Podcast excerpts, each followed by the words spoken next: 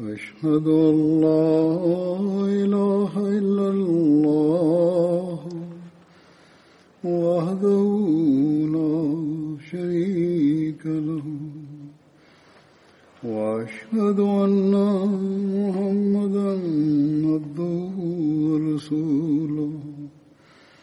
أما بعد فأعوذ بالله من الشيطان الرجيم. بسم الله الرحمن الرحيم. الحمد لله رب العالمين. الرحمن الرحيم. مالك يوم الدين. إياك نعبد وإياك نستعين. اهدنا الصراط المستقيم. صراط الذين أنعمت عليهم. غير المغضوب عليهم ولا الضالين.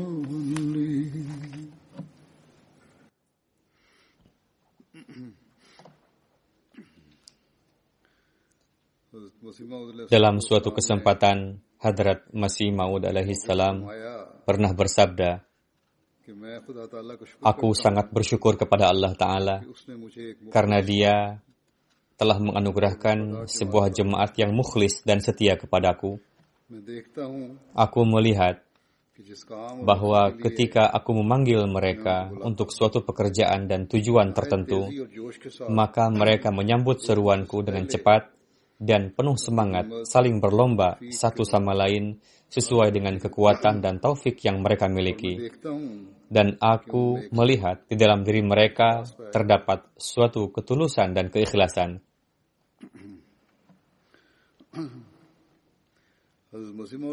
Pemandangan ketulusan, keikhlasan, hubungan, dan cinta kepada Hadrat Masih Maud salam semacam ini memang sudah kita saksikan. Tak terhitung banyaknya kisah-kisah para sahabat Hadrat Masih Maud salam berkaitan dengan ini. Dalam keluarga Ahmadi awalin, riwayat-riwayat hubungan semacam ini masih berlangsung. Dan dalam khutbah-khutbah serta pidato-pidato para Khalifatul Masih juga kita jumpai. Namun,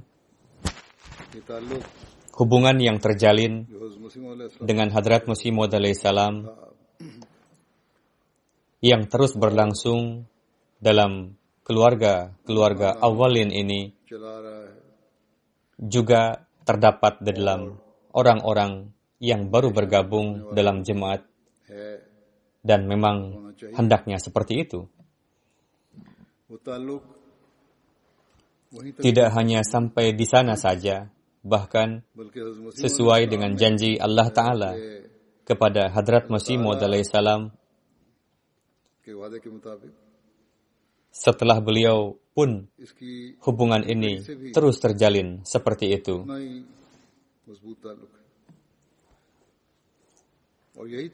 Dan hubungan inilah yang merupakan tanda dan jaminan persatuan dan kesatuan jemaat.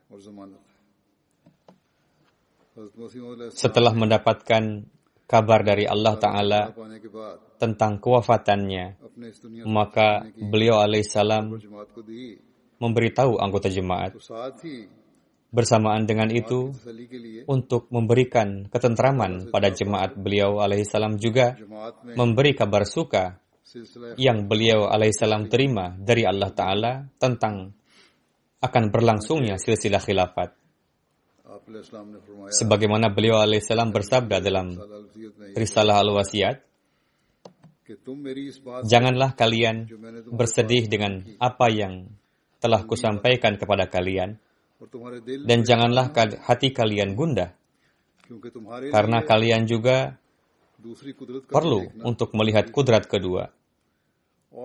Dan zahirnya kudrat kedua itu lebih baik bagi kalian.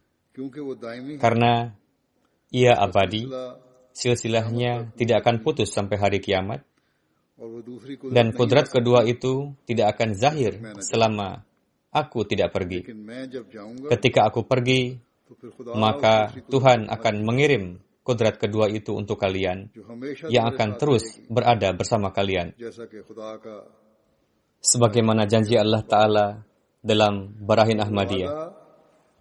Dan janji itu tidaklah berkaitan denganku, melainkan berkenaan dengan kalian. Sebagaimana Allah berfirman bahwa jemaat yang mengikuti engkau ini akan aku beri keunggulan atas yang lain sampai hari kiamat. Maka sesuai dengan janji Allah Ta'ala ini, setelah kewafatan beliau alaihissalam, berlangsunglah nizam khilafat. Namun, hanya sebatas berlangsungnya nizam khilafat tidak ada artinya selama tidak ada hubungan keikhlasan, kesetiaan, cinta, dan kasih sayang antara khalifah dengan jemaatnya.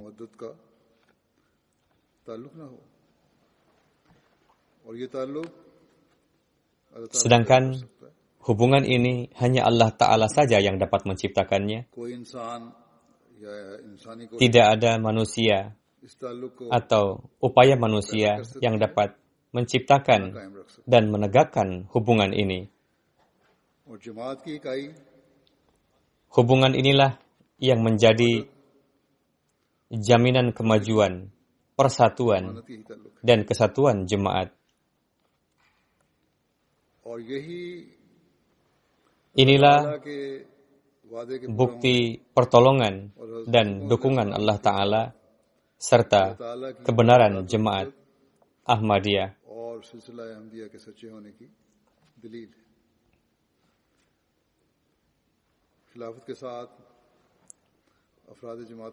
Hubungan antara anggota jemaat dengan khilafat yang di dalamnya termasuk Ahmadi lama, Ahmadi baru,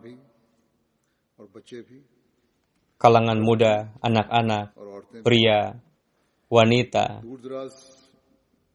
dan para Ahmadi yang tinggal di tempat yang jauh-jauh, yang belum pernah bertemu dengan Khalifah Waqt. Mereka semua adalah orang-orang yang terus maju dan berusaha untuk selalu maju dalam keikhlasan dan kesetiaan. Begitu menerima pesan khalifah, mereka langsung berusaha untuk mengamalkannya. Mereka menzahirkan hubungan dan cinta mereka pada khilafat sedemikian rupa, sehingga kita terheran-heran menyaksikannya. Semua ini adalah bukti zahir sempurnanya janji Allah Ta'ala dan kemajuan jemaat juga sangat erat kaitannya dengan hal itu.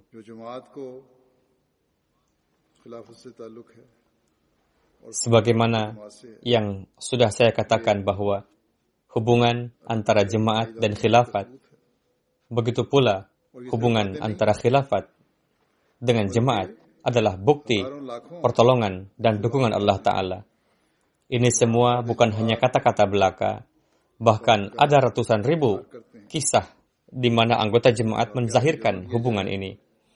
Jika semua kisah-kisah ini dikumpulkan, maka akan menjadi buku-buku tebal yang tak terhingga jumlah jilidnya. Sekarang, saya akan menyampaikan beberapa kisah kecintaan dan perasaan. anggota jemaat terhadap Khalifah Waqt di zaman di setiap zaman. dan itu juga berlangsung sampai saat ini. Kisah ini bermula dari semenjak kewafatan Hadrat Masih Maud salam dan sekarang setelah genap 112 tahun pun masih tetap berlangsung seperti itu. Para penentang beranggapan bahwa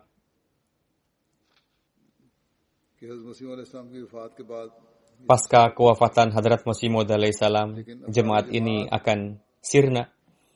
Namun justru jalinan cinta, keikhlasan, dan kesetiaan anggota jemaat terhadap khilafat terus meningkat.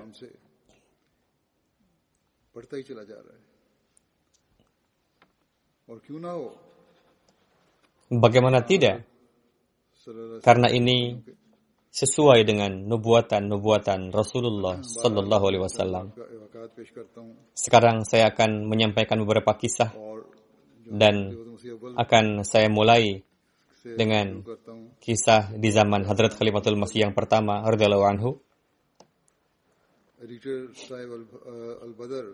Berkaitan dengan masa ketika Hadrat Khalifatul Masih awal sakit, editor sahib Badar menulis bahwa pada masa itu banyak sekali berdatangan surat-surat kepada beliau atau surat-surat itu Hadrat Khalifatul Masih awal bersabda, saya berdoa untuk semua yang menulis surat-surat itu. Editor Sahib menulis bahwa para pecinta ini menzahirkan cintanya dengan cara-cara yang menakjubkan. Di antaranya saya akan menyampaikan beberapa kutipan surat-surat itu. Hakim Muhammad Hussein Sahib Quraisy menulis, Suatu hari saya bermunajat di haribaan ilahi. Ya Allah, kebutuhan-kebutuhan Hadrat Nuh alaihissalam memiliki kedudukan yang khas dan kebutuhan-kebutuhan yang ada sekarang hanya engkaulah yang mengetahui. Kabulkanlah permintaan kami dan berilah imam kami umur seperti Nuh alaihissalam. Kemudian, brother menulis berdasarkan riwayat Muhammad Hasan, sahib Punjabi Madras, bahwa setelah mendapatkan kabar sehatnya Hadrat Khalifatul Masih yang pertama, saya begitu bahagia yang kadarnya hanya diketahui oleh Tuhanku yang maha pemurah lagi penyayang. Kemudian editor sahib menulis bahwa cinta itu adalah suatu yang ajaib. Saudara kita, Mia Muhammad Bakshahib yang tengah berdagang di Australia, menulis dalam sebuah suratnya bahwa dalam menulis headline berkaitan dengan Hadrat Khalifatul Masih yang pertama dalam surat kabar Badar, Kadian, hendaknya bukan sabda-sabda Hadrat Khalifatul Masih saja yang dimuat, melainkan dalam topik utama itu hendaknya ada kata-kata yang menginformasikan tentang kesehatan beliau radhiyallahu anhu. Karena ketika membuka Badar, mata kita langsung tertuju pada headline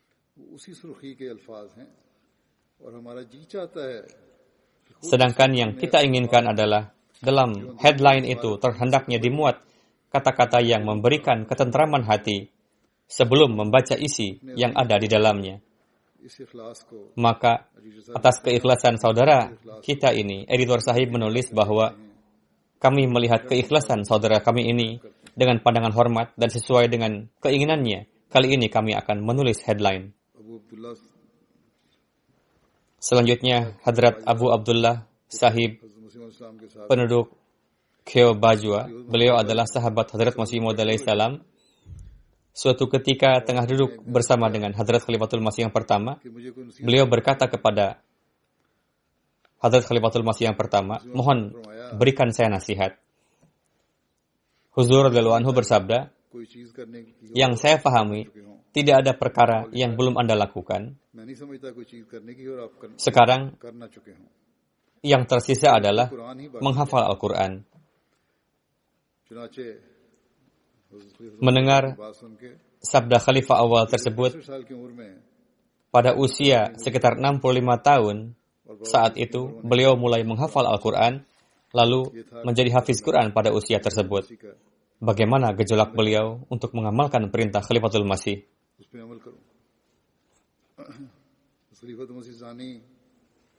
Ketika gerakan Syudi gencar pada masa Hadrat Khalifatul Masih yang kedua, melihat kondisi demikian, hati Huzur radhiyallahu gelisah.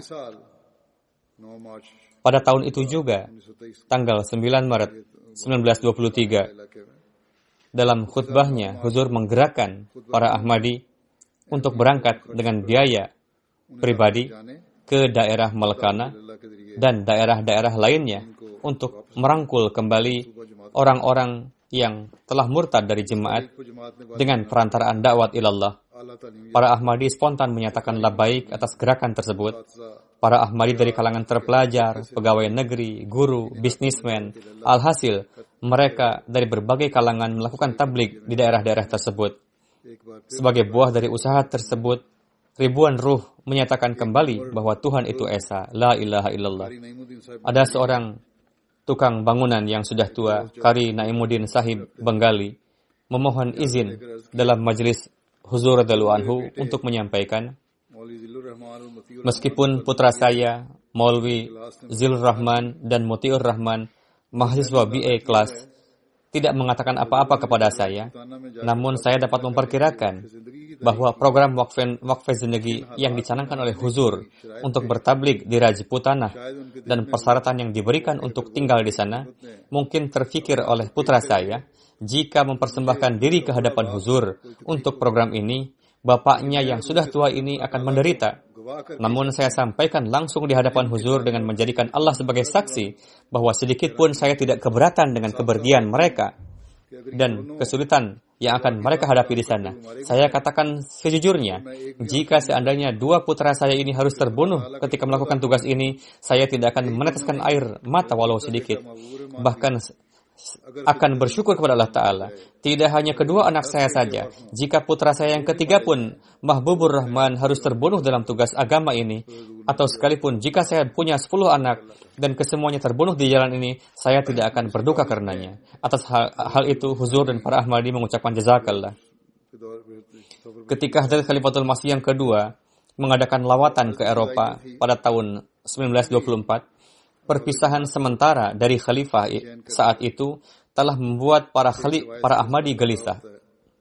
Dari kisah ini dapat kita perkirakan, Babu Sirajuddin Sahib, kepala stasiun, menulis, Junjunanku, kita sedang dipisahkan jarak karena terpaksa. Jika seandainya saya menjadi debu di kaki huzur, supaya tidak harus menanggung derita perpisahan ini. Junjunanku, sejak empat tahun saya tidak berkunjung ke Darul Aman, namun hati merasa tentram karena kapan pun timbul keinginan saya dapat mencium kaki huzur. Namun saat ini sulit walaupun sehari. Semoga Allah yang Maha Suci segera mengembalikan huzur dengan selamat, sukses dan mendapatkan pertolongan. Kecintaan ini ciptaan siapa? Hadrat Khalifatul Masih yang kedua bersabda, ada seorang pemuda dari daerah Sargoda. Setelah mengetahui gerakan yang saya canangkan pada tahun lalu berangkat ke Afghanistan tanpa paspor.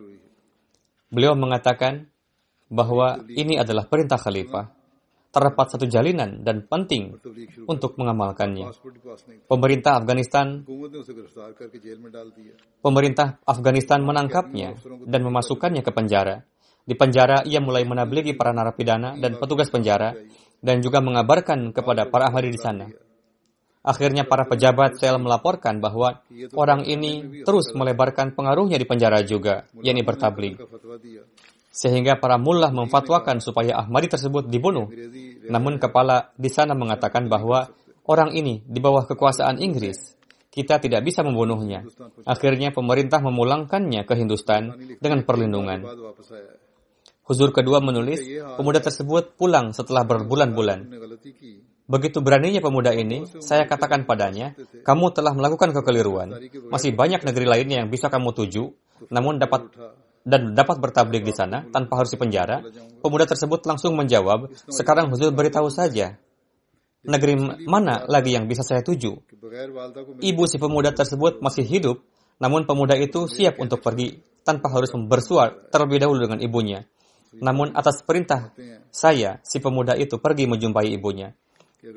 Huzur kedua bersabda, jika seandainya pemuda-pemuda lainnya memiliki keberanian seperti pemuda Punjabi yang pergi ke Afghanistan tadi, maka dalam waktu singkat saja akan terjadi revolusi di dunia ini. Ada seorang Ahmadi Syria, Muhammad Ashawa Sahib, ketika Hadrat Muslim Ma'ud anhu berkunjung ke Syria, beliau mendapatkan kemuliaan untuk ikut serta ke Libanon bersama dengan Huzur. Beliau seorang pengacara yang handal yang memiliki jalinan yang sangat erat dengan khilafat.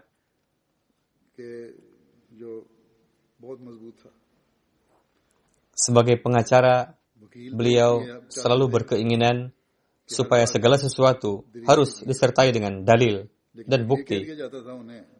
Namun ketika dikatakan kepada beliau bahwa ini adalah perintah khalifah, beliau serta-merta berkata, cukup, sudah final katanya. Ketika ada perintah khalifah, maka selesailah permasalahan. Inilah keputusannya. Demikianlah jalanan mereka dengan khilafat. Tibalah masa khilafah yang ketiga.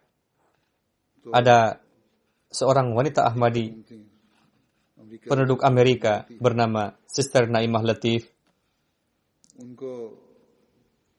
Sedemikian dalamnya jalinan rasa cinta beliau kepada khilafat, beliau mengutamakan selalu ketaatan kepada khalifah. Ketaat, ketika khalifah ketiga melakukan lawatan ke Amerika, setelah mendengar pidato khalifah berkenaan dengan keutamaan pardah di sebuah universitas, saat itu juga beliau mengenakan hijab. Pada saat itu, beliau adalah satu-satunya wanita di daerah di mana beliau tinggal yang nampak mengenakan pardah Islami. Terdapat keinginan yang dalam untuk mengamalkan perintah khalifah dan beliau ingin menguatkan jalinan bahwa saya telah bayat dan harus memenuhi hukum-hukum juga. Nazir Ahmad Sahib Sanwal menceritakan satu kejadian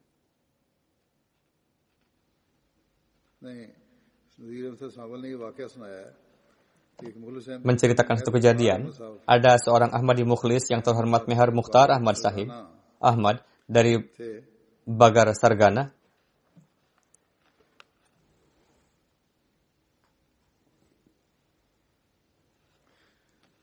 Menuturkan dalam kondisi tahun 74 di mana para penentang mengganggu kehidupan beliau disebabkan beliau seorang dai yang bersemangat sehingga kerabat beliau menentang keras dan memboikot beliau. Keimanan beliau semakin kokoh karenanya dan semakin memperluas cakupan tablik beliau. Para penentang pun semakin gencar dalam penentangannya untuk tujuan untuk tujuan pendidikan anak-anak dan ada keinginan untuk membesarkan anak-anak di lingkungan yang baik, akhirnya beliau menjual tanah ladangnya, lalu menyewa tanah di Rabuah dengan sistem kontrak untuk ditanami. Ketika berjumpa dengan khalifah yang ketiga, beliau mengabarkan bahwa beliau telah menjual tanahnya di Bagar Sargana dan menyewa tanah di dekat Rabuah untuk ditanami.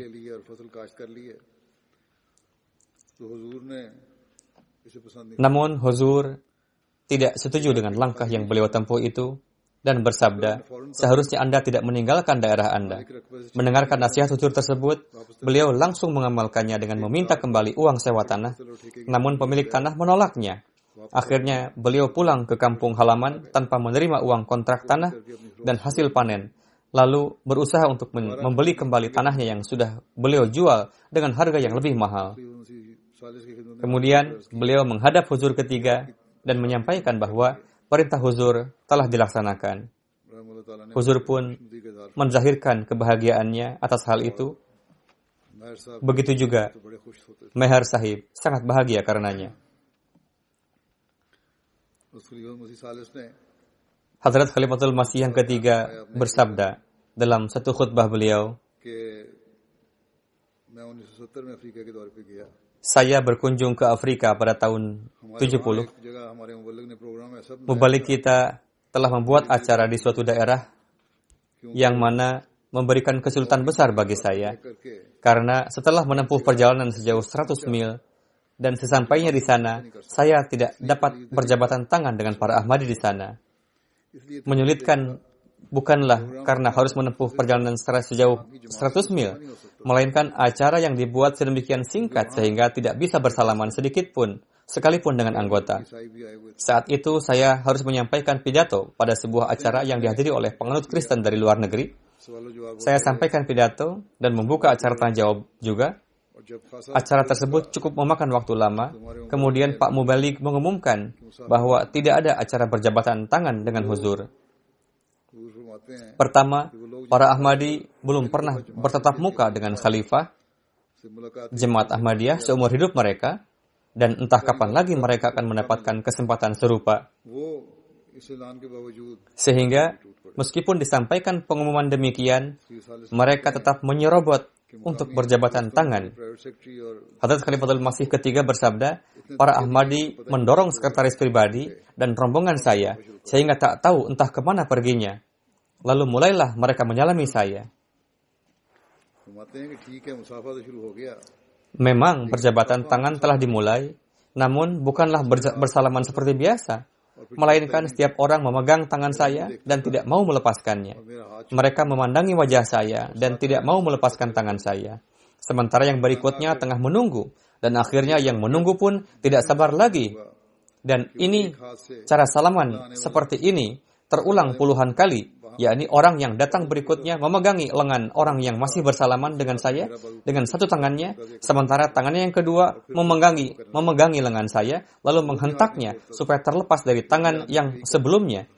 Kemudian orang tersebut menyalami saya. Ia pun tidak mau melepaskan tangan saya, sehingga orang berikutnya terpaksa melakukan hal yang sama.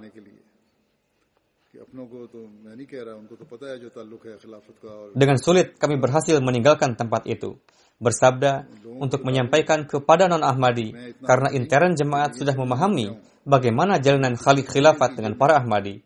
Perlu saya sampaikan kepada orang lain bahwa saya tidaklah sedemikian bodoh dengan memahami disebabkan oleh suatu keistimewaan saya sehingga timbul kecintaan seperti itu dalam diri orang-orang yang tinggal di suatu tempat yang berjarak 5 atau 6 ribu mil yang mana mereka tidak pernah melihat saya sebelumnya, hanya mengetahui keadaan saya, namun sedemikian rupa berdesak-desakan untuk dapat bersalaman dengan saya. Kecintaan ini merupakan ciptaan Allah Ta'ala.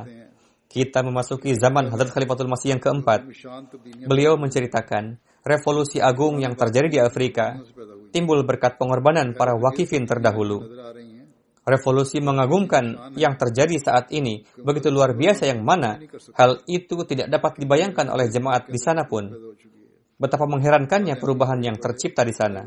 Beberapa orang Ahmadi yang berpengalaman dan berpengaruh di pemerintahan menceritakan kepada saya bahwa kami sendiri saat itu tidak tahu bahwa sedemikian rupa kaum kami telah meningkat dalam kecintaan dan dukungan kepada jemaat Ahmadiyah dan begitu siap untuk disampaikan tabligh kepada di sana. Sebagaimana ada seseorang yang tidak sesuai jika disebut namanya, begitu juga nama negerinya, bercerita kepada saya bahwa saya sendiri tidak paham sedikit pun apa yang tengah terjadi. Tidak terbayangkan sedikit pun sebelumnya oleh saya di mana kaum kami akan mendapatkan taufik untuk memberikan pengkhidmatan kepada Khalifah Ahmadiyah dan mendapatkan kesempatan untuk menzahirkan kecintaan yang sedemikian rupa tidak terfikir oleh saya sebelumnya. Beliau mengatakan, apa yang saya lihat di sini, hal itu terjadi juga pada para kepala negara, dan itu pun dalam pandangan duniawi. Saya tidak pernah melihat perlakuan seperti itu kepada yang lainnya selain itu, dan ini pun tidak ada campur tangan upaya jemaat kami. Apa pun yang terjadi, terjadi secara gaib, dan terjadi secara mengagumkan. Semua ini merupakan ciptaan Allah Ta'ala.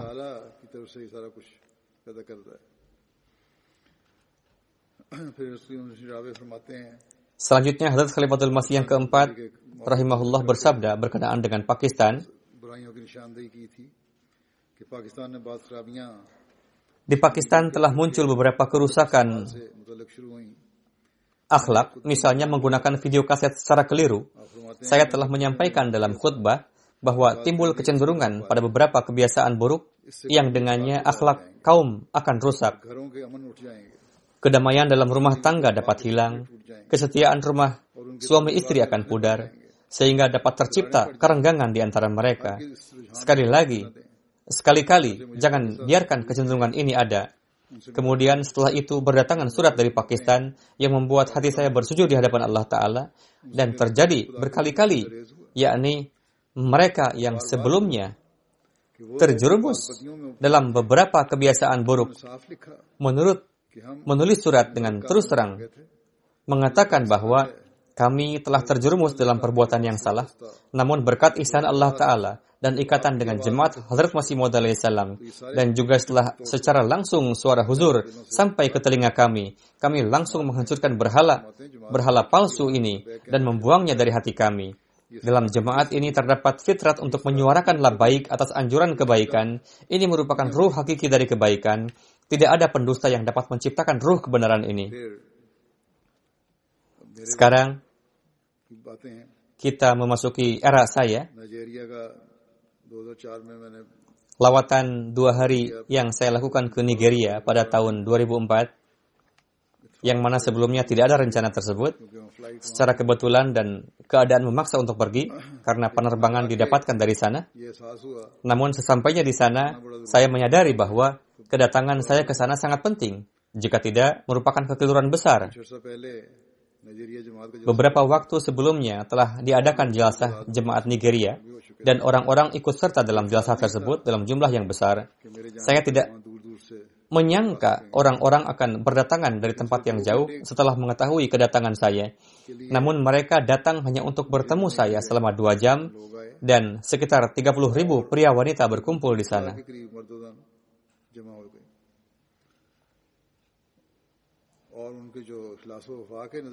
Keikhlasan dan kesetiaan yang kami saksikan dalam diri mereka sungguh mengagumkan.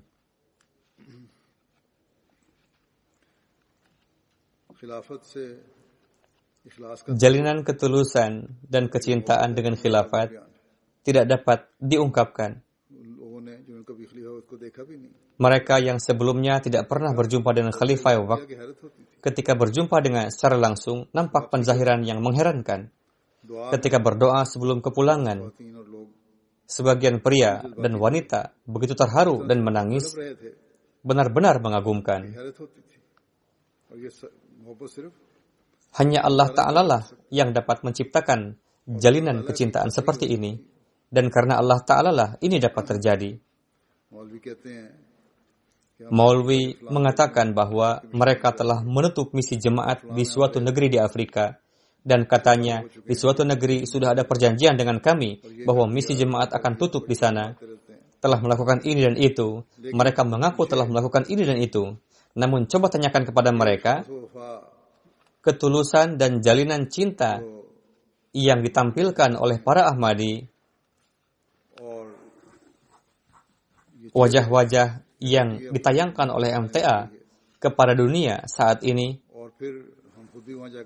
dan kami sendiri pun telah menyaksikan langsung di sana. Apa semua ini?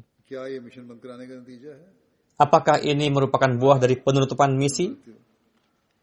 Alhasil, para maulwi memang hanya bisa bermulut besar.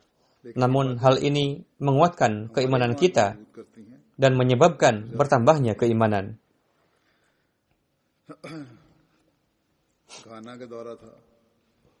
Ketika melakukan lawatan ke Ghana pada tahun 2008 dengan karunia Allah Ta'ala, jemaat di sana telah membeli tanah yang luasnya sekitar 500 ekar.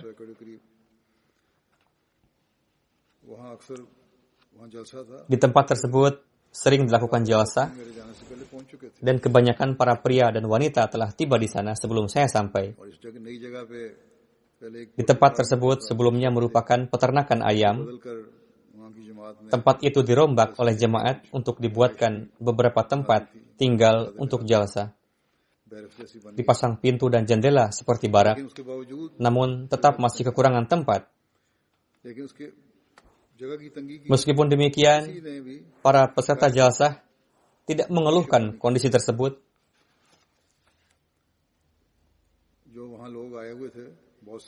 Banyak di antara peserta jasa yang berasal dari kalangan berkecukupan, pengusaha, guru sekolah, dan juga profesi lainnya. Jika mereka tidak mendapatkan tempat, mereka memasang tikar di luar dan tidur dengan tenang. Pertama memang terdapat kesabaran dalam diri penduduk Ghana, namun pada hari itu mereka tampilkan kesabaran secara khas. Ada yang bertanya kepada beberapa orang di antara mereka yang terpaksa tidur di luar barak dengan mengatakan, Anda pastinya merasa kesulitan dengan kondisi ini. Mereka menjawab, kami datang kemari untuk menyimak acara jalsa dan jasa kali ini dihadiri oleh khalifah, apalah artinya kesulitan sementara untuk dua hari saja? Kami bahagia karena Allah Ta'ala memberikan taufik kepada kami untuk dapat mengikuti jasa ini. Orang-orang dari Burkina Faso pun hadir di sana. Begitu juga dari negara-negara tetangga lainnya. Saya baru mengetahui bahwa rombongan yang datang dari Burkina Faso adalah yang terbanyak. Berjumlah sekitar 3.000 orang. Mereka tidak mendapatkan makanan. Begitu juga 400 kudam berangkat. Begitu juga 300 kudam berangkat dari negerinya ke Jalsah dengan mengendarai sepeda menempuh perjalanan sejauh 1.600 kilometer. Saya katakan kepadamu balik di sana, sampaikan mohon maaf kepada mereka karena tidak mendapatkan makanan. Dan berikan perhatian khusus di masa yang akan datang. Ketika para tamu tadi menerima ucapan maaf dari panitia, mereka menjawab, kami telah meraih apa yang menjadi tujuan kami datang ke sini. Tidaklah mengapa, karena hari ini pun, hari-hari pun kita makan di rumah, mereka yang notabene dari kalangan sederhana, tentu sederhana juga makanan yang mereka konsumsi di rumahnya. Mereka mengatakan, sedangkan hidangan rohani yang kami dapatkan di sini tidak setiap hari kami dapatkan. Jemaat Burkina Faso bukanlah jemaat yang sangat lama. Saya rasa ketika saya berkunjung ke sana, umur jemaat di sana sekitar 10 atau 15 tahun saja. Namun ketulusan dan kesetiaan mereka terus meningkat. Begitu sederhananya mereka, sehingga sebagian orang di antara mereka nampaknya mengenakan satu pakaian saja ketika hadir di sana, karena mungkin hanya itu yang mereka miliki, sehingga dengan pakaian itulah mereka melewati tiga hari atau bahkan seminggu di sana. Begitu juga untuk perjalanan. Mereka menabung untuk dapat ke jasa, karena ini merupakan jasa khilafat Jubli dan dihadiri oleh Khalifah Wak. Untuk itu mereka pastikan untuk bisa datang. Jadi, selain Allah Ta'ala, siapakah yang dapat menciptakan kecintaan seperti itu? Begitupun para khudam yang datang dengan mengendarai sepeda, keikhlasan mereka dapat diperkirakan dari kegigihan mereka menempuh perjalanan selama tujuh hari dan singgah memasang kemah di berbagai tempat. Dalam rombongan mereka pun terdapat pria yang sudah berusia 50 dan 60 tahun. Ada juga dua anak yang masih berusia 13-14 tahun. Ketika Sadar Khudam ditanya oleh seseorang perihal sulitnya perjalanan yang ditempuh, Sadar Sahib menjawab, Umat Muslim pada masa awal telah memberikan pengorbanan yang sangat besar demi Islam. Kami pun berkeinginan supaya khudam kami pun bersedia untuk melakukan berbagai pengorbanan dan kami pun berkeinginan untuk membuat satu program dalam rangka seabad khilafat yang darinya zahir jalinan ketulusan dan kecintaan kita kepada khilafat. Untuk dapat kami sampaikan kepada khalifah bahwa kami bersedia untuk berkorban dan menerima setiap tantangan. Seorang wartawan TV mewawancarai mereka. Ketika Anda mulai menempuh perjalanan dengan menggunakan sepeda yang sangat sederhana, tidak seperti sepeda yang ada di Eropa di sini, sepeda biasa dengan kondisi yang kurang baik, lalu perwakilan mereka menjawab, meskipun sepeda kami kurang baik, namun keimanan dan tekad kami sangatlah kuat. Kami menempuh perjalanan ini sebagai rasa syukur atas nikmat khilafat. Lalu kanal TV nasional tersebut ketika menayangkan berita tersebut mengawali dengan topik utama sebagai berikut.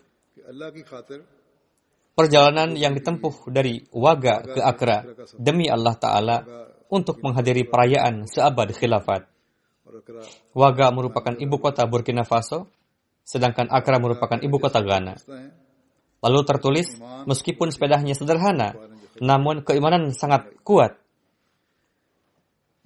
Demikianlah topik utama berita tersebut. Para Ahmadi tersebut bukanlah Ahmadi keturunan, bukan juga keturunan para sahabat, melainkan orang-orang yang berasal dari daerah yang jaraknya ribuan mil, di mana untuk menuju ke sana melalui jalan yang belum permanen, kadang tidak ada jalan juga, tidak ada listrik dan air. Namun mereka beberapa tahun lalu bayat dan telah menampilkan teladan yang luar biasa dalam kesetiaan dan kecintaan.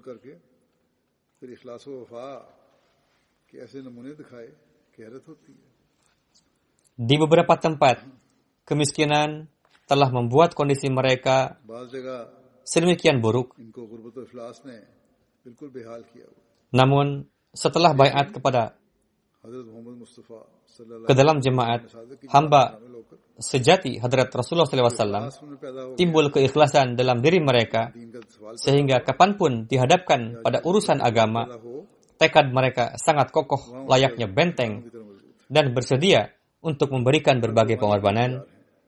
Hati mereka dipenuhi oleh kecintaan. Untuk itu, kita harus senantiasa berdoa. Semoga Allah Ta'ala meningkatkan keikhlasan dan kesetiaan mereka dan meningkatkan ketulusan dan kesetiaan kita semua. Ada seorang Ahmadi Burkina Faso bernama Isa Sahib mengatakan, saya bayat pada tahun 2005. Namun, hari ini saya baru menyadari setelah berlalu tiga tahun, bagaimana saat ini saya, betapa beruntungnya saya atas apa yang telah saya dapatkan. Kebahagiaan saya hari ini tidak bisa saya ungkapkan, karena pada hari ini saya melihat dan mulakat dengan khalifah Wujud rasa cinta kepada khilafat bagi sebagian orang terkadang nampak dari air mata mereka. Saat itu pun air mata mereka mengalir. Inilah keikhlasan dan kesetiaan yang ada di jemaat yang baru berdiri. Tahun lalu ada orang yang berusaha untuk menciptakan kerusuhan karena termakan oleh kesalahpahaman sehingga beberapa Ahmadi Mukhlis yang kebanyakan adalah pemuda terprovokasi oleh orang itu sehingga jadi berulah aneh. Meskipun masih menganggap diri sebagai Ahmadi, namun memisahkan diri dari Nizam. Lalu saya mengutus seorang mubalik dari Mali ke sana yang juga merupakan penduduk lokal di sana bernama Muaz Sahib. Lalu beliau berangkat ke daerah itu dan menasihati para pemuda itu. Dijelaskan kepada mereka, di satu sisi kalian mengatakan bahwa kalian masih terjalin dengan khilafat, namun di sisi lain, merasa telah terpisah dari nizam. Perbuatan seperti ini tidaklah benar. Setelah itu, semuanya menulis surat permohonan maaf dan mengatakan bahwa disebabkan oleh kesalahpahaman kami dan disebabkan oleh kurangnya tarbiyat, kami telah terprovokasi. Ikatan kesetiaan kami dengan khilafat terjalin dengan kuat. Tidak terfikir oleh kami untuk meninggalkan khilafat. Lalu dengan karunia Allah Ta'ala, mereka menjadi bagian dari nizam jemaat lagi. Bersikap keras kepala disebabkan oleh kurangnya tarbiyat. Ketika disadarkan, langsung mengakui kekeliruan mereka dan menyatakan adanya jalinan kesetiaan yang kuat dengan khilafat. Mereka mengatakan ketika kami memisahkan diri dari saat itu, memisahkan diri saat itu, kami tetap tidak terpisah dari khilafat. Kami memisahkan diri dari beberapa pengurus saja. Seperti itulah standar kesetiaan dan ketulusan mereka. Begitu pula para Ahmadi yang datang dari Gambia, Ivory Coast, dan juga dari negara-negara lainnya. Setiap mereka meningkat dalam kesetiaan dan ketulusan dalam corak masing-masing. Ketika jalsa di Ghana, sebelumnya telah saya sampaikan juga bahwa jaraknya cukup jauh dari Jalsagah ke tempat penginapan.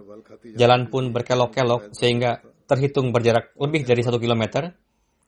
Pria wanita berdiri sambil menggendong anaknya dan menyalamkan anaknya kepada saya. Nampak penzahiran kecintaan dari mereka. Jumlah kaum ibu sekitar 50 ribu pada kesempatan jalsah seabadi khilafat dan semuanya menzahirkan jalinan kecintaan dan kesetiaan kepada khilafat. Kecintaan mereka nampak jelas terlihat dari mata mereka, sikap mereka, wajah mereka. Mereka pun menjaga salatnya selama jalasa, apakah itu salat fardu maupun tahajud, ikut serta dengan dawam.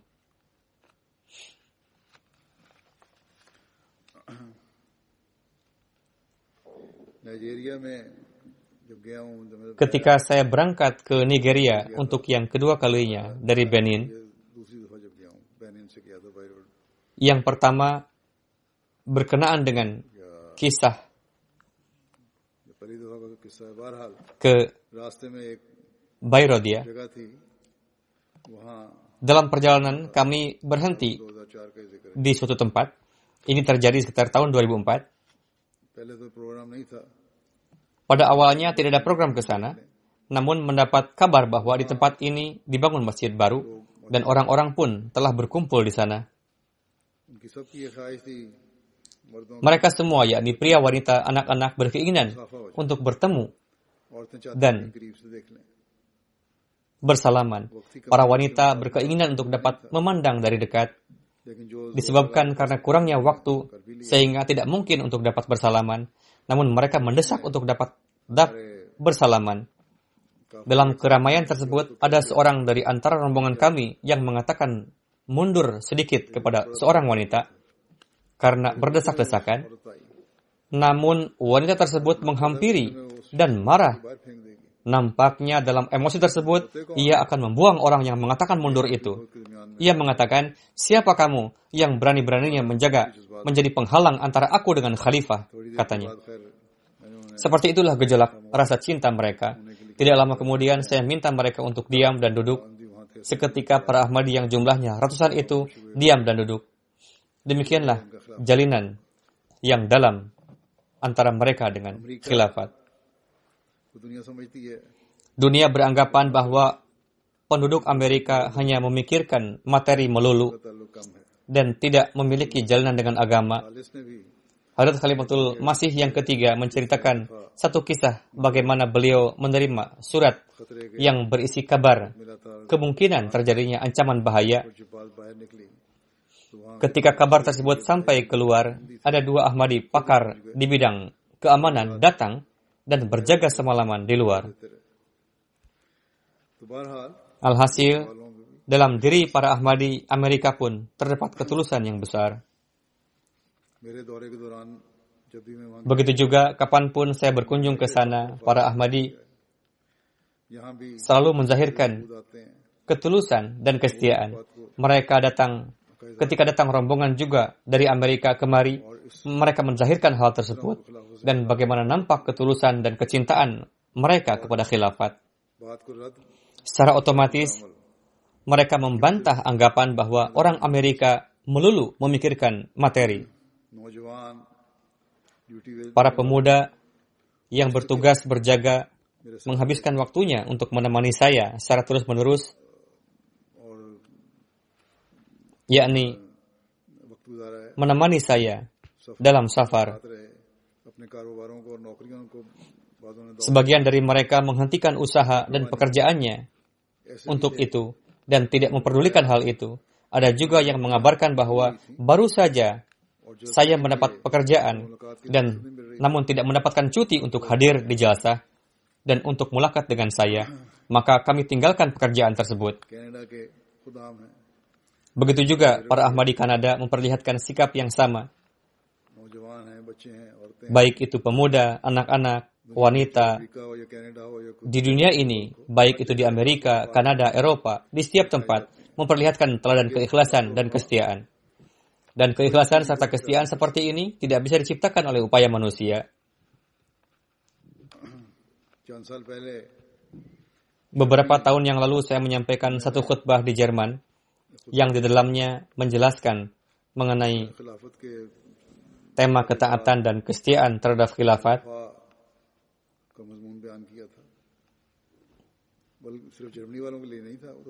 Namun, ini bukan hanya untuk orang-orang Jerman saja, ini ditujukan untuk setiap orang dan hendaknya seperti itu. Akan tetapi dikarenakan kondisi di sana, saya memberikan beberapa permisalan dari orang-orang Jerman. Bagaimanapun, para Ahmadi di seluruh dunia memperlihatkan reaksinya atas khutbah ini dan dengan segera memperlihatkan ketaatan dan kesetiaan yang sempurna kepada khilafat. Orang-orang Jerman pun secara khusus mengungkapkan bahwa di Jerman, sebagian pengurus di antara kami biasa ada yang biasa menafsirkan dan mentakwilkan beberapa petunjuk dan insya Allah di masa yang akan datang ini tidak akan terjadi lagi. Semoga Allah Ta'ala meneguhkan mereka dalam hal ini dan demikian juga setiap negara-negara lainnya di dunia. Kasim Sahib dari Jordania menulis bahwa dalil kebenaran Hadrat Masih Maud salam yang paling indah dan agung adalah Allah Ta'ala telah menciptakan kecintaan dan ketaatan kepada khilafat di hati saya. Ketika saya memutuskan untuk bayat beberapa tahun yang lalu, dalam hati saya terlintas pemikiran, apakah jemaat hingga saat ini memang betul-betul berada di atas kebenaran dan apakah melenceng dari tujuan Hadrat Masih Maud salam atau tidak. Waktu itu saya belum mengetahui mengenai khilafat. Kemudian Allah Ta'ala memperlihatkan kepada saya dalam mimpi bahwa Khalifatul Masih menyebarkan perdamaian dan keamanan untuk memberikan keputusan di antara orang-orang yang berselisih. Saya meletakkan tangan saya di atas tangan Anda, yakni Huzur, Beliau menuliskan ini dalam surat kepada saya dan mencium cincin. Maka pada saat itu saya merasakan kecintaan dan kasih sayang Anda. Dan dalam hati saya timbul kecintaan yang luar biasa kepada Anda yang dari hari ke hari terus semakin meningkat. Saya ingin memperbarui bayat saya dan saya merasa muak dengan setiap orang yang keluar dari ketaatan kepada Huzur. Kemudian di Bulgaria, di sana para penentang kita tidak meninggalkan celah dalam penentangan. Sekarang jemaat telah kembali terregistrasi setelah sekian lama. Sebelumnya, registrasi tersebut sempat dibatalkan. Mufti Bulgaria dengan kelicikannya memerintahkan anggota-anggota jemaat di sana untuk keluar dari jemaat. Namun dengan karena Allah Ta'ala, semua Ahmadi tidak hanya teguh dalam keimanannya, melainkan juga memperlihatkan contoh keikhlasan yang lebih daripada sebelumnya dan membuktikan hubungan kesetiaan mereka dengan khilafat Ahmadiyah. Ada seorang wanita, ia didatangi oleh tiga orang dan diminta untuk keluar dari jemaat dan bergabung dengan mereka. Mereka mengatakan, kami akan membantu kamu Perjuangan wanita ini dengan tegas mengatakan, pejuang wanita ini dengan tegas mengatakan, Ahmadiyah adalah benar dan saya telah bertemu dengan khalifah saya dan yang paling utama Allah Ta'ala telah memperlihatkan tiga sampai empat kali mimpi kepada saya yang mengatakan bahwa jemaat ini benar. Oleh karena itu sekarang tidak ada lagi persoalan untuk meninggalkannya. Mubalik Incaj Benin menulis, pada jelasah Mubayin baru seorang mubayin baru yang bernama Razak Sahib mewakili yang lainnya mengatakan dalam nizam dunia duniawi ketika seseorang mempunyai masalah maka ia datang kepada kepala suku jika tidak bisa diselesaikan ia akan datang kepada pejabat yang lebih tinggi lagi kemudian kepada wali kota, kemudian kepada menteri, lalu kepada perdana menteri. Dan ia pun tidak tahu apakah keluhannya akan didengar ataukah tidak. Dan permasalahannya itu akan selesai ataukah tidak. Namun nizam jemaat Ahmadiyah ini sempurna. Jemaat Ahmadiyah memiliki khilafat yang memahami bahasa semua orang dan mengayomi setiap ras dan warna kulit. Inilah keberkatan khilafat Ahmadiyah sehingga kita bisa mempelajari Al-Quran. Dan pada hari ini, Islam yang dibawa oleh Hadrat Rasulullah SAW telah sampai kepada kami. Nyonya Dila dari Prancis mengatakan, saya bayat pada tahun 2017. Setiap pagi saya membaca surat Anda yang telah merubah kehidupan saya. Saya berdoa dalam setiap salat saya untuk perlindungan, dukungan, dan pertolongan bagi Anda. Gejolak semangat untuk berdoa pun Allah Ta'ala yang menciptakan. Setelah bayat, saya telah menjadi manusia yang baru. Mubalik di di San, Mali menulis, seorang anggota di jemaat kami, Bapak Kolibali, wafat. Beberapa waktu sebelumnya, beliau mengumpulkan anak-anaknya dan memberikan wasiat, seandainya saya masih muda dan bisa berjalan, maka saya akan pergi untuk misi jemaat dan tugas apa pun yang diberikan oleh jemaat, saya akan melaksanakannya. Beliau juga menasihatkan kepada anak-anaknya bahwa candah saya tertunggak dua bulan, sedangkan usia tidak ada yang tahu. Namun candah itu harus dibayar supaya saya tidak meninggalkan dunia ini dengan dalam keadaan sebagai orang yang berhutang. Yakni ketiga ketika beliau mewasiatkan kepada anak-anaknya supaya senantiasa setia terhadap khilafat dan tidak mengkhianati khilafat serta senantiasa dawam membayar canda. Tuan Amir Gambia menulis, ada seorang wanita bernama Ibu Rahmat Jalo. Beliau telah mengambil bayat. Ketika dijelaskan kepada beliau mengenai pengorbanan harta di Allah Ta'ala, beliau pada waktu itu membayar canda sebesar 100 dilasi Beliau mempunyai sebuah toko kecil. Beliau membayar canda melebihi kondisi beliau dan mengatakan, saya hanya menginginkan kecintaan Allah Ta'ala dan Khalifah Wak. Inilah hubungan dan kecintaan yang karenanya saya memberikan canda ini dan saya berkorban demi Allah Ta'ala. Seorang kawan dari Tajikistan, Izzat Iman Sahib, mengatakan, Ketika istri saya berusia 72 tahun, ia menderita sakit keras. Pada mulanya, selama beberapa tahun ia sakit dikarenakan penyakit jantung dan tekanan pikiran. Namun dikarenakan penyakit tersebut, kesehatannya menjadi sangat lemah dan dikarenakan ucapan-ucapan dokter timbul keputusasaan dalam keluarga kami. Saya pernah bermulakat dengan Khalifatul Masih. Dikarenakan jalinan ini, saya merasa yakin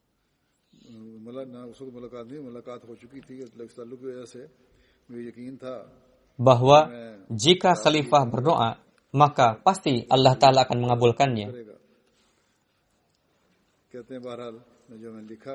Singkatnya, ketika saya menulis surat permohonan doa kepada khalifah, bersama dengan doa, saya juga mendapatkan obat-obatan hemopati. Istri saya telah sembuh dan pada waktu itu saya menulis surat ibu saya telah sembuh. Dan pada waktu saya menulis surat tersebut, usia ibu saya 79 tahun dan berkeinginan juga untuk menunaikan haji.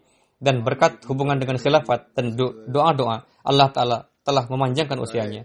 Untuk menciptakan keimanan dan keyakinan, Allah Ta'ala telah memperlihatkan pemandangan ini sehingga memberitahukan bahwa apa yang disabdakan oleh Hazrat Masih Maud bahwa beliau berasal dari Allah Ta'ala adalah benar. Mengenai kecintaan seorang anak Ahmadi kepada khilafat Bapak Tahir Ahmad Nadim menulis, ketika melakukan perjalanan ke, ke Turki, saya berkesempatan singgah di rumah seorang kawan Ahmadi. Ketika sedang duduk, anaknya yang berusia 3-4 tahun datang. Setelah mengucapkan salam, ia membisikkan ke telinga saya bahwa saya ingin mengirim surat kepada Huzur. Apakah Anda bersedia membawanya? Saya menjawab, baik, kenapa tidak? Saya akan membawakannya. Lalu anak itu membuat dua garis lurus membuat dua baris tulisan di kertas dan memberikan kepada saya. Saya bertanya kepadanya, apa yang kamu tulis di, surat itu? Ia menjawab, saya menulis bahwa saya mencintai huzur. Saya lalu membawa surat tersebut ke sini dan balasannya pun dikirim dari huzur. Ketika anak tersebut mendapatkan balasannya, menurut cerita ayahnya, ia dan seluruh keluarganya merasa sangat senang.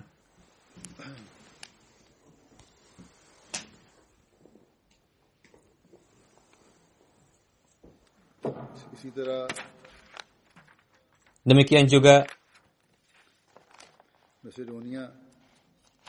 membalik in charge dari Macedonia. Menulis satu contoh lagi mengenai anak-anak. Beberapa waktu yang lalu ketika melakukan kunjungan ke Bosnia, saya berkenalan dengan seorang kawan Pakistani. Terjadilah perbincangan tablik Kemudian berlanjut dengan pertemuan-pertemuan. Ia mengatakan bahwa beberapa waktu yang lalu di airport Dubai, ia bertemu dengan satu keluarga Ahmadi. Seorang anak mereka yang berusia 3 atau 4 tahun mengatakan bahwa kita semua harus salat dan harus berkata jujur. Ketika saya tahu bahwa keluarga ini adalah keluarga Ahmadi, saya bertanya kepada anak perempuan tadi, Apa keinginan yang paling besar dalam hidupmu? Anak itu menjawab, saya ingin bertemu dengan Huzur di London. Kawan tersebut mengatakan, hal ini sangat berkesan bagi saya, bahwa anak yang sekecil itu pun berkeinginan, keinginan terbesarnya adalah bermulakat dengan khalifah. Demikian juga belakangan ini ada sebuah game anak-anak. Ketika saya melarang memainkan game tersebut karena terkadang itu menimbulkan perilaku-perilaku yang keliru, maka pada awalnya para orang tua merasa gelisah bagaimana mereka bisa melarang anak-anak mereka. Namun kebanyakan orang tua menulis kepada saya bahwa setelah mendengarkan khutbah anak Anda, yakni khutbah huzur, anak-anak itu datang dan mengatakan sendiri kepada kami bahwa karena telah ada larangan dari Khalifah waktu untuk memainkannya, maka kami tidak akan memainkannya lagi. Dan sampai sekarang pun banyak surat datang kepada saya menanyakan apakah boleh memainkan permainan game ini untuk sekian lama. Artinya ada suatu kesadaran di dalam diri mereka bahwa dikarenakan jalinan dengan Khalifah waktu maka kami tidak akan menipu dan kami akan melaksanakan apa-apa yang dikehendaki Khalifah Waktu untuk kebaikan kami. Mubalik Honduras menulis bahwa seorang penduduk lokal Ahmadi di Dera, didera berbagai macam permasalahan. Melihat kondisinya tersebut, saya mengatakan kepadanya, tulislah surat permohonan doa kepada khalifah untuk kegelisahan-kegelisahan Anda. Ketika telah menulis surat, ia sering mengatakan bahwa permasalahan-permasalahannya mulai terselesaikan dengan sendirinya. Dengan surat tersebut, ia mendapatkan suatu kekuatan gaib dan keyakinan serta kepercayaan terhadap khilafat semakin kuat. Afari sahib dari Maroko menuliskan, Allah Ta'ala telah menerangi hati dan kehidupan saya dengan rahmat dan keberkatan. Saya bersyukur kepada Allah Ta'ala karena dia telah memberikan saya hidayah setelah melihat huzur, saya melihat mabuk. Saya merasa mabuk oleh kecintaan.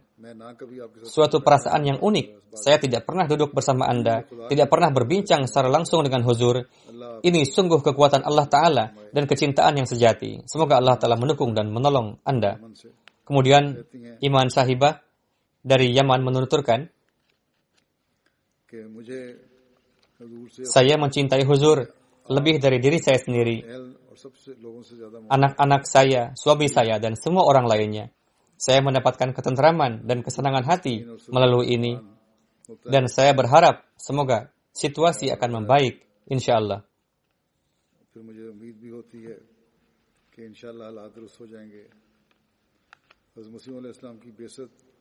Pengutusan Hadrat Masih Maud salam dan berdirinya khilafat setelah beliau alaihissalam bertujuan untuk memperbaiki kerusakan dan supaya timbul harapan di hati orang-orang.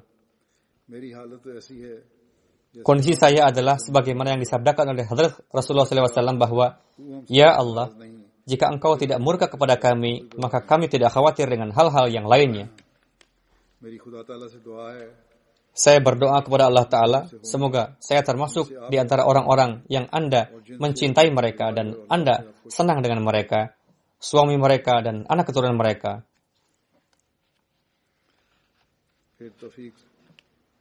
Kemudian Taufik Sahib dari Tunisia menulis, kami mencintai Anda kami naik di atas bahtera Anda dan mendapatkan tarbiyat di dalamnya. Dan kami makan minum dari sumber mata air Hadrat Masih Maud salam. Kami teguh di atas janji kami. Tanpa menjalin hubungan dengan Anda, tidak mungkin terjadi perbaikan pada diri kami. Kami tidak menginginkan dunia. Kami hanya berharap mengenai diri kami. Dikatakan bahwa si Fulan telah sukses berkat mengikuti jemaat yang berberkat ini. Saya memohon doa Semoga mendapatkan taufik untuk dapat teguh pada janji beat dan beramal sesuai dengan itu. Dan saya memohon doa untuk persatuan umat Islam. Inilah beberapa contoh yang menjelaskan bahwa Allah Ta'ala lah yang telah menciptakan hubungan keikhlasan dan kesetiaan dalam hati orang-orang dan tidak ada kekuatan duniawi yang bisa merenggutnya. Hadrat Masih Maud Islam bersabda, kalian akan melihat terpenuhinya janji-janji Allah Ta'ala.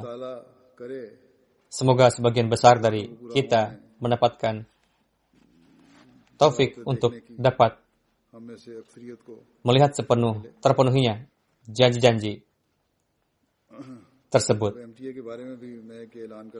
Sekarang saya juga ingin menyampaikan sebuah pengumuman berkenaan dengan MTA. Ini juga adalah janji Allah Ta'ala mengenai tersebar luasnya pesan Hadrat Masih Maud salam di dunia. Sejak 27 Mei bertepatan dengan hari khilafat telah dimulai satu pengaturan baru channel ini. Saya akan menyampaikan rinciannya.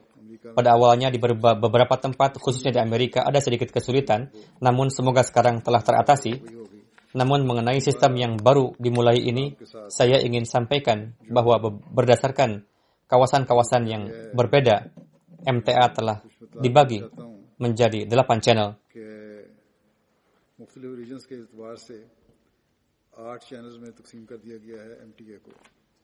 Channel MTA 1 secara umum diperuntukkan bagi para pemirsa di UK dan beberapa kawasan di Eropa. Bahasa utama channel ini adalah bahasa Inggris dan Urdu. Di channel ini ditayangkan program-program berbahasa Inggris dan Urdu, serta program dalam bahasa lain yang telah diterjemahkan ke dalam bahasa Inggris dan Urdu. Program live dan rekaman terbaru saya pun akan disiarkan di seluruh channel lainnya sebagai MTA 1 World.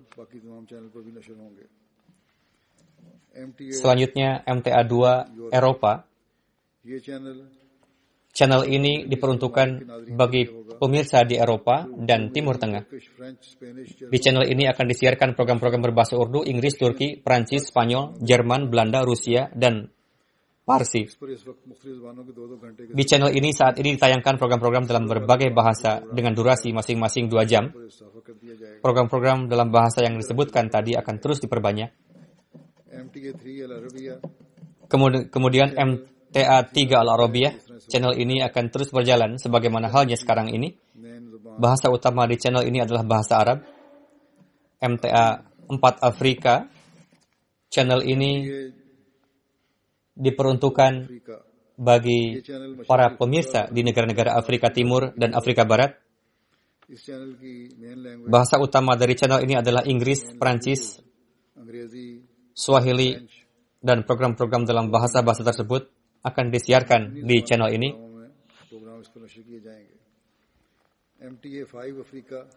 MTA Afrika, MTA 5 Afrika, channel ini diperuntukkan bagi para pemirsa di negara-negara Afrika Barat bahasa utama pada channel ini adalah bahasa Inggris.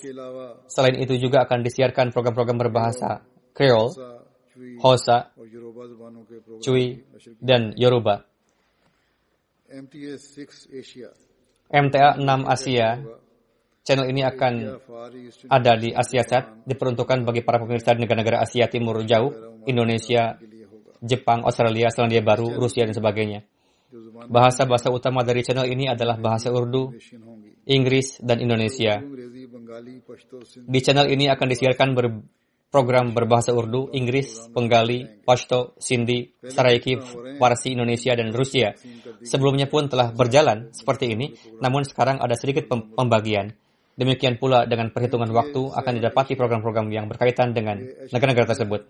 Kemudian MTA 7 Asia, ini adalah channel HD akan tayang di Dish.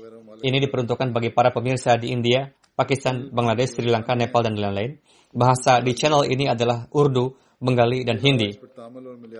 Selain itu akan disiarkan juga di channel ini program berbahasa Tamil dan Malayalam. MTA 8 Amerika. Channel ini peruntukan bagi pemirsa di Amerika, Amerika Utara, Kanada, dan lain-lain. Sebelumnya pun channel ini telah berjalan. Terdapat sedikit perubahan pada pengaturannya. Pada dasarnya semua channel ini akan berjalan sebagaimana sebelumnya. Channel yang dinamakan MTA 8 Amerika ini diperuntukkan bagi pemirsa di Amerika, Amerika Utara, dan Kanada. Bahasa pada channel ini adalah bahasa Inggris dan Urdu. Selain itu, akan disiarkan juga program berbahasa Prancis dan Spanyol.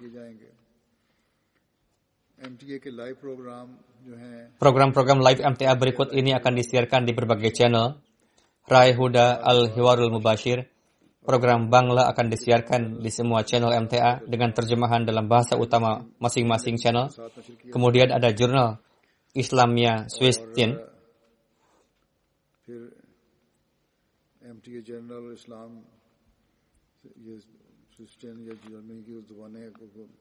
Ini adalah kata dalam bahasa Jerman, akan disiarkan di MTA 2 Eropa.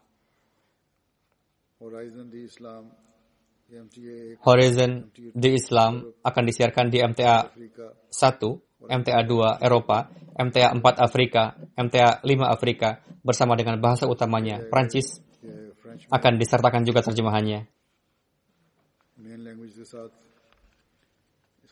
Dan demikian juga program-program seperti Intikhab Sukhan dan sebagainya.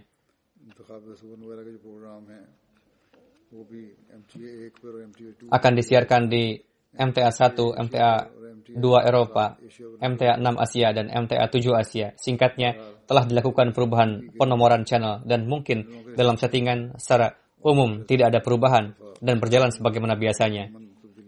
Demikian juga diberikan penamaan pada channel-channel tersebut sesuai dengan penomorannya. Singkatnya, sistem yang telah dibuat ini semoga Allah telah memberikan keberkatan di dalamnya dan menganugerahkan taufik kepada MTA untuk menyampaikan pesan Islam yang hakiki kepada dunia lebih dari sebelumnya.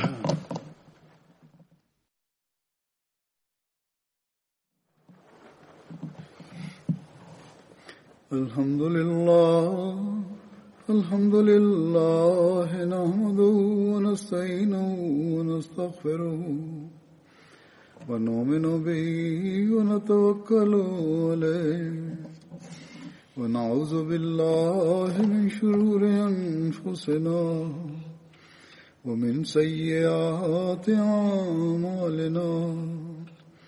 من يهده الله فلا مضل له ومن يضلل فلا هادي له. ونشهد أن لا إله إلا الله. ونشهد أن محمدا عبده ورسوله. عباد الله رحمكم الله. إن الله يأمر بالعدل واللسان. وإيتاء ذي القربى وينهى عن الفحشاء والمنكر والبغي يعظكم لعلكم تذكرون اذكروا الله يذكركم ودوه يستجب لكم ولذكر الله أكبر